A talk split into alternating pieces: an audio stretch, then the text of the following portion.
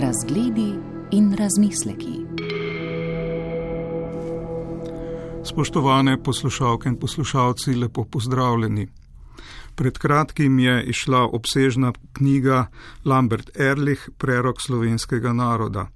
V studiu gostimo katoliškega duhovnika, dr. Janeza Juhanta, upokojenega profesora Teološke fakultete Univerze v Ljubljani, ki je avtor te obsežne knjige, lahko rečemo tudi študije.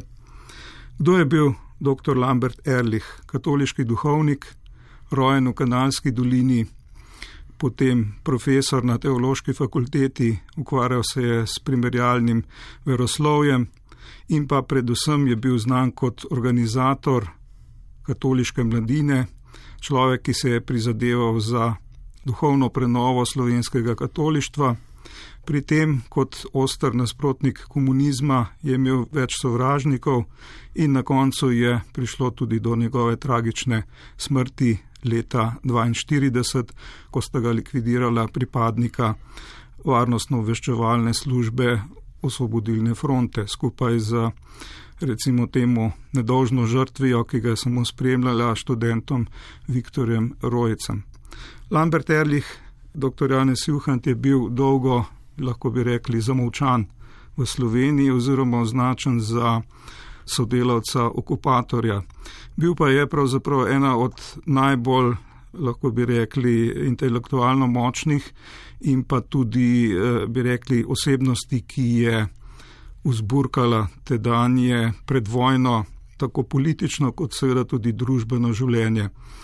Rojen je pa bil v Kanalski dolini. Ja, v tem pod svetimi šarjami je potem obiskoval osnovno šolo v domačem kraju, gimnazijo celovcu, potem študij, kot ste rekli, v Innsbrucku in bil 1902 v celovcu posvečen za duhovnika celovške oziroma takrat krške škofije. E, deloval potem od leta 1903 v tej škofiji, bil e, škofov tajnik, potem profesor v bogoslovju od leta 1910 in bistveno vplival tudi na kulturno, socialno in organizacijsko delovanje koroških slovencev v tem času, predvsem pa seveda potem tudi, ko je bil imenovan najprej v Majlsovo komisijo za razmejitev eh, koroške v, po takratnih eh, določilih, da pač eh, del slovenskega koroškega ozemlja pride v kraljevino SHS, pa na drugi strani pa, da bi potem tudi v samih pogajanjih na Sanžemenski pariški mirovni konferenci čim bolj omogočil ne samo slovencem na Koroškem, ampak tudi v, eh, na Primorskem, pa tudi na Štajerskem, vse posod čim večjo vključitev v novo državo, kar se je seveda deloma posrečilo in to je pravzaprav zaznamovalo vse njegovo kasnejše življenje. Po študijah še potem je bil eh, leta 1922 eh, imenovan za profesorja na Ljubljanski teološki fakulteti in potem še leta 1931 marca za študentskega duhovnika. Vse skozi pa se je tukaj, kot ste lepo rekli, zauzemal za to, da bi čim bolj omogočil da bodo študentje ohranili katoliški značaj, eh, nekako v širšem slovenskem prostoru pa, da bi Slovenci kljubovali takrat že zelo močnim, tako fašističnim, eh, nacističnim eh, in pa seveda potem kasneje tudi komunističnim pritiskom, ki so se pa tudi v tem času začeli že na univerzi.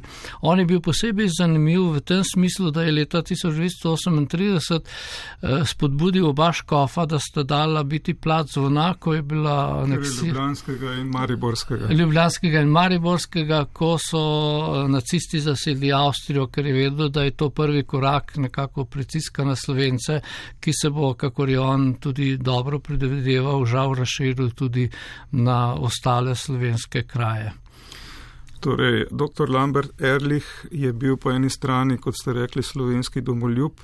Vemo zgodovinski okvir te danje Slovenije, oziroma ki se niti ni bila imenovala Slovenija kot politična entiteta, je bil zelo težak položaj. Italijani so vzeli večji del zahodne Slovenije, izgubili smo Koroško po plebiscitu.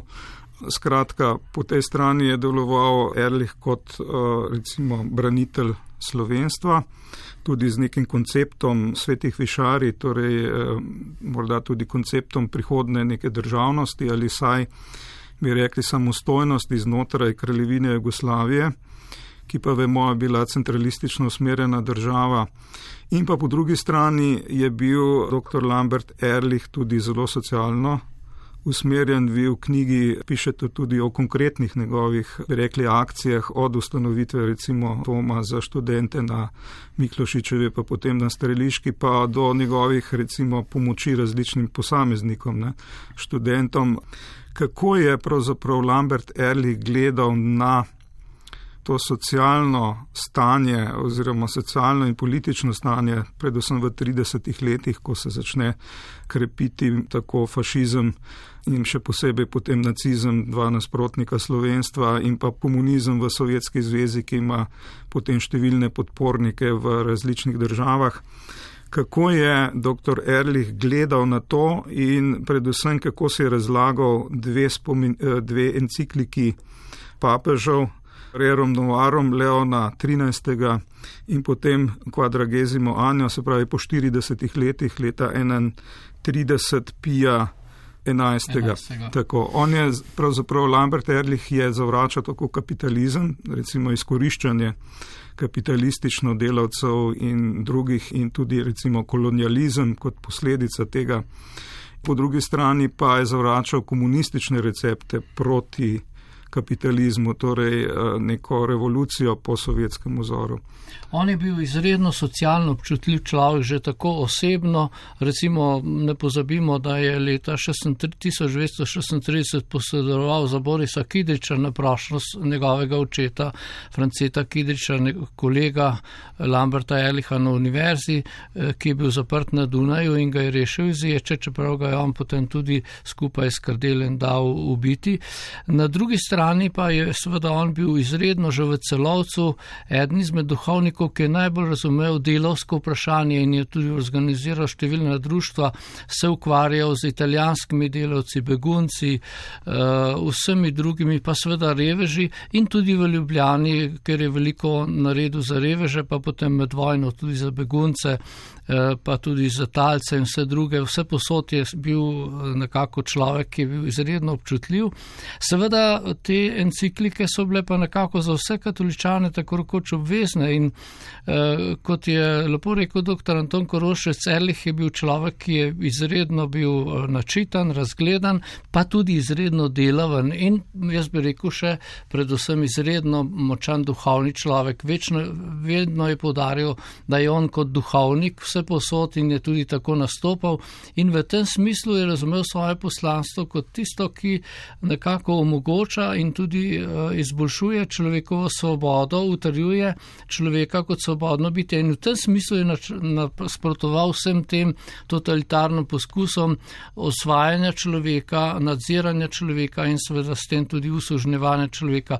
Zato je bil proti temu in seveda podobno kot druga gibanja, ki so se v 30 30 letih oziroma po eh, prvi svetovni vojni razvijala tudi v Evropi in po Sloveniji, recimo v Sloveniji predvsem eh, križarsko oziroma kršansko socialno gibanje, pa potem v okviru študentov Zarja, eh, ki je bilo bolj nekako bi rekli levičarsko usmerjeno, pa mladcev, ki so bili bolj nekako notranje duhovno poglobljeni, je on organiziral stražo, ki pa je bila po njegovem, kar je imel tudi tudi po izkušnji Pariške mirovne konference eh, nekako zamisel, da je treba kršanstvo tudi v družbenem smislu čim bolj uveljaviti. In seveda tu je naletel najbolj na nasprotovanje komunistov, ki so pa tudi hoteli uh, osvojiti študente na univerzi in veliko krat je tudi sam v osebnih debatah sodeloval, pomagal tudi recimo takrat pri uh,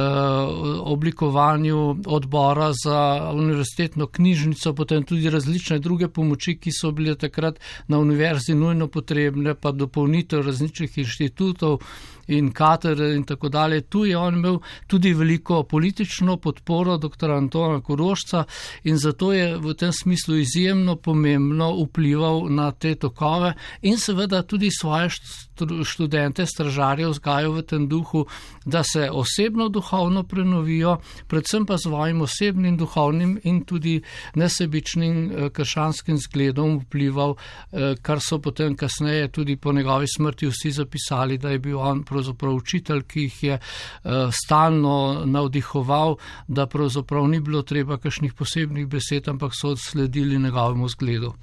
Kako bi opisali vso to, lahko bi rekli, tudi burno ozračje v 30 letih v Sloveniji, predvsem na univerzi med mlajšimi izobraženci. Umenila sva, seveda en tabor je bil za komuniste, potem pa je bil tako imenovani katoliški tabor, ki pa seveda ni bil enoten, predvsem tri struje so bile, ste že omenjali, torej stražo v viharju, ki jo je ustanovil dr. Lambert Erlich in njihove cilje, potem so bili tukaj tako imenovani mladci Ernest Natomca, torej gimnazijskega profesorja.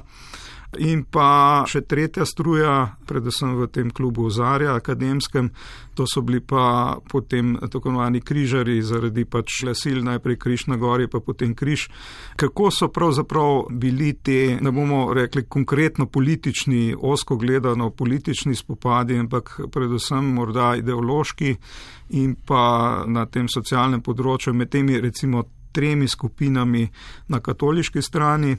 Vemo, da je recimo sta bila dr. Ambert Erlich in pa njegov koroški rojak, torej škof dr. Grigorij Rožman, pravzaprav prijatelja zasebno, ampak je bil potem Erlich precej prizadet, ko je Rožman podprl mladce, pravzaprav ne ja, pa stražarje. To, to nasprotje je bilo pravzaprav bolj tekmovanje, kot pravi dr. Tamara Grize Pečar.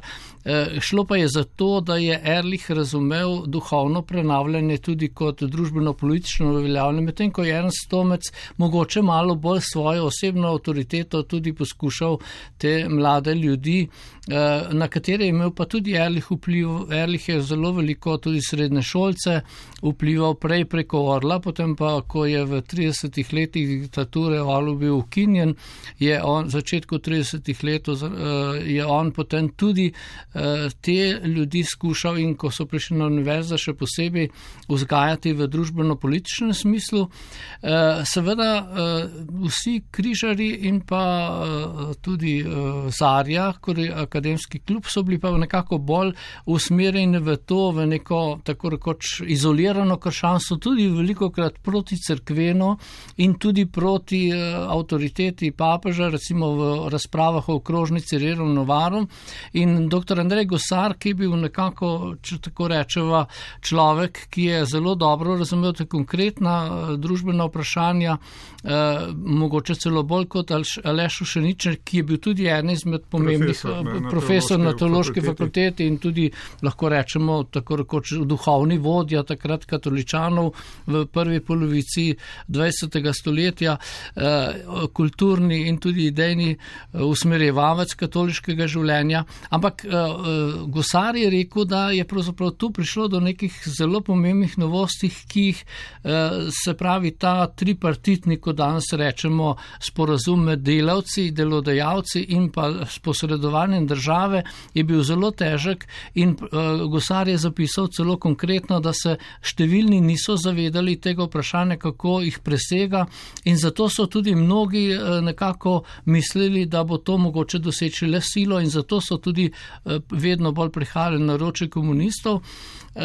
Na drugi strani pa je Erlich bil človek, ki je pa svaril pred tem in rekel, da s tem se pravzaprav ne bo nič pomembnega zgodilo, ampak samo nek nov pokrov bo, ki bo popolnoma onemogočil samostojnost eh, katoličanov, povzročil tudi revolucijo, kar se je potem tudi dejansko zgodilo. Ampak on je to čisto iz svojega katoliškega, duhovnega in predvsem tudi narodnostnega prepričanja, da bo to slabo za slovenski narod, če bo prišlo do revolucije kar je on tudi predvideval, če bo Jugoslavija napadena od nacistov in fašistov, bo potem to uh, vzbudilo tudi težno, da se začne tukaj revolucija in to se je dejansko potem tudi dogodilo.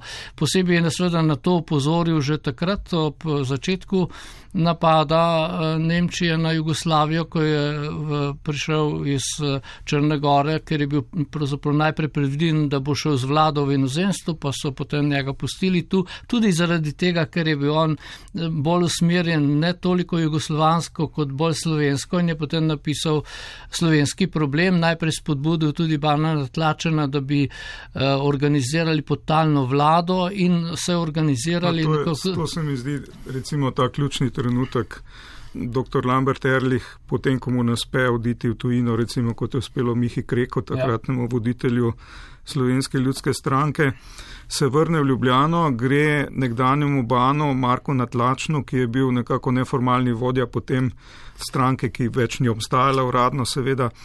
In predlaga, da se ustanovi ilegalno vlado in tudi neke vrste odpor proti okupatorju, ampak ban natlačen ga zavrne. Malo prej je bila postanovljena osvobodilna fronta, se pravi, ki je recimo združevala bolj leve sile, pa tudi velik del križarjev, Edvarda Kocbeka seveda. In tukaj se recimo začne, lahko bi rekli, ta tragedija po svoje ločitve duhov v Sloveniji in pa tudi recimo kasnejših očitkov o kolaboraciji z okupatorjem.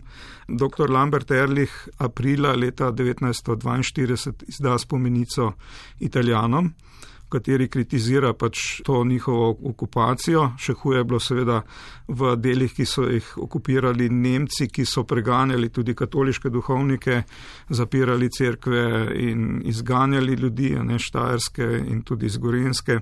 In Erih je tudi posredoval potem hmm. za te begunce in tudi dejansko zelo veliko materialno, tudi s pomočjo drugih, pa tudi svojo osebno pomočjo pomagal tem ljudem, da so nekako preživeli tisti, ki so se uspeli vrniti, potem ko so bili pregnani v Srbijo ali kam drugam na Hrvaško, nazaj v Slovenijo in potem v Ljubljano. No in to spomenico potem gledajo kot bi rekli neke vrste pristanek, da se ustanovijo oborožene enote, ki bi sodelovali z okupatorjem bojo proti komunistom. To je bil potem tudi neke vrste povod, da se vodstvo osvobodilne fronte Kocbek je bil proti likvidaciji. Napisali ste, da je Kidrič okleval zaradi tega, ker ga je uh, Erlich rešil, ampak na koncu se odločijo za likvidacijo in potem 26. maja dva agenta uh, oziroma pripadnika VOSA ustrelita dr. Erlicha in pa omenjenega študenta Rojca, ki ga je takrat spremljal. Ja, dr. Eh, Ferdo Gestrin, zgodovinar, sicer komunist, je po vojni rekel, da je pravzaprav bil Erlich edini, ki je mimo komunistov bil sposoben Eh, organizirati odpor, tudi na podlagi tega, da je že takrat predlagal banjo tlačeno. In to je bil pravzaprav glavni razlog tega, ne toliko to, kar je eh, Erlich napisal v tej spomenici, eh, skladno z dogovorom s Škofom Rožmanom, predvsem tudi zaradi tega, ker so italijani hoteli dejansko dobesedno, kako je Erlich tudi v spomenici napisal, uničiti slovenski narod, zato je on kritiziral njihovo nasilje, torej preprečevanje svobode gibanja, tudi eh, težave, da zapirajo šole, recimo tehnično fakulteto in vse druge stvari, ki so jih italijani počeli. Seveda ob eni je pa kritiziral tudi eh, komuniste, ki so pa v osvobodilni fronti izkoriščali eh, ta položaj še zato, da so izvedli revolucijo in pravi, veliko krat se celo pokaže, da komunisti in italijani sodelujejo v tem procesu uničevanja slovenskega naroda. Zato on čisto preprosto predlaga, da se v tej zadnji točki te eh, spomenice, da se Slovenci eh, samo organizirajo in se branijo pred nasiljem. To je tudi v takratnih okvirih nekako zasedbe bila dolžna storiti italijanska oblast in ker je italijanom to kritiziral, da tega ne naredijo, je potem predlagal naj pač Slovencem omogočijo, da se bodo branili in seveda to je pravzaprav nek legitimen proces in to je bil tudi seveda potem zadnji povod, da so Lamberta Erliha likvidirali, ker je bil edini sposoben učinkovito se samo organizirati v odporu tako do okupatorja, kot seveda tudi do uh, komunistov, ki so pač že s tem izvajali revolucijo. In bistveni, bistveno vprašanje seveda tukaj je, da kar je tudi zapisal, recimo tudi nekaterih članov Osvobodilne fronte, tudi liberalcev, zelo razvidno, da pravzaprav so hoteli Erliha prepričati, da bi se omaknil, kar so ga prepričevali tudi nekateri znotraj njegovega kluba, ampak on je rekel, da tega ne more, pač pravi, kdo se bo branil, kdo bo eh, pustil slovenski narod. Recimo tudi je zanimiva Eh, obisk eh, župana iz eh, velikih laž še pred Erlihovo smrtjo, ko je Škofo Rožman rekel, prav pa mi se moramo organizirati, ne moramo trpeti, da bo kar nekako to nasilje trajalo nad nami in Škof je tudi takrat močal in vse te stvari so potem pripeljali do tega, kar je tudi zelo dobro v svoji knjigi zapisal dr. Možina, da so se ljudje bili potem nujno braniti, ampak Erlich s tem pravzaprav ni imel nič, on je samo hotel zaščititi, predvsem čisto iz ljubezni do slovenskega naroda, do samozaščite. In zanimivo je, da je tudi, ko so spomenico prenesli pred, eh, na mesto teljanskega generala, je polkovnik, ki jo je sprejel, rekel, da bi bilo treba avtorja te spomenice in tudi prinešalcev streliti. Zbravi so že italijani videli v njem ta odpor.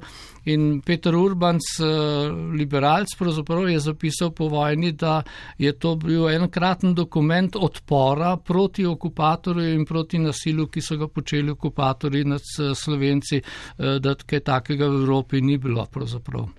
Torej, če na kratko skleneva ta najn pogovor.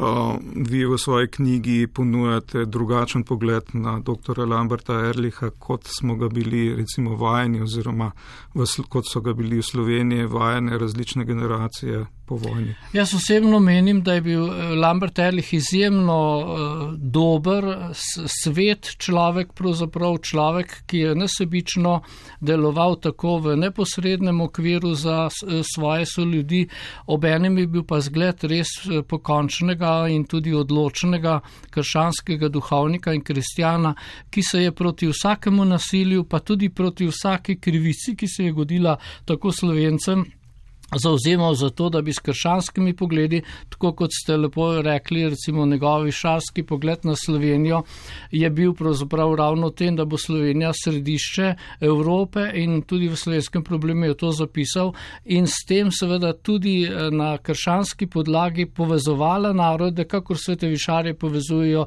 germane, slovane in romane in v tem smislu ga imam pravzaprav za zelo velikega in pomembnega človeka za Slovenijo in seveda so to to tudi verjamem, da bo eh, slovenski narod to vedno bolj spoznaval, kajti taki ljudje so zgled in opora in verjamem, da tudi v kršanskem smislu pričevalci in eh, priprošniki za naše boljše in tudi bolj dosledno osebno in družbeno življenje. Dr. Janes Juhant, najlepša hvala za vaše razmišljanja. Odajo sem povezoval Tomaš Grden, tonsko pa je uredil Max Pust razgledi in razmisleki.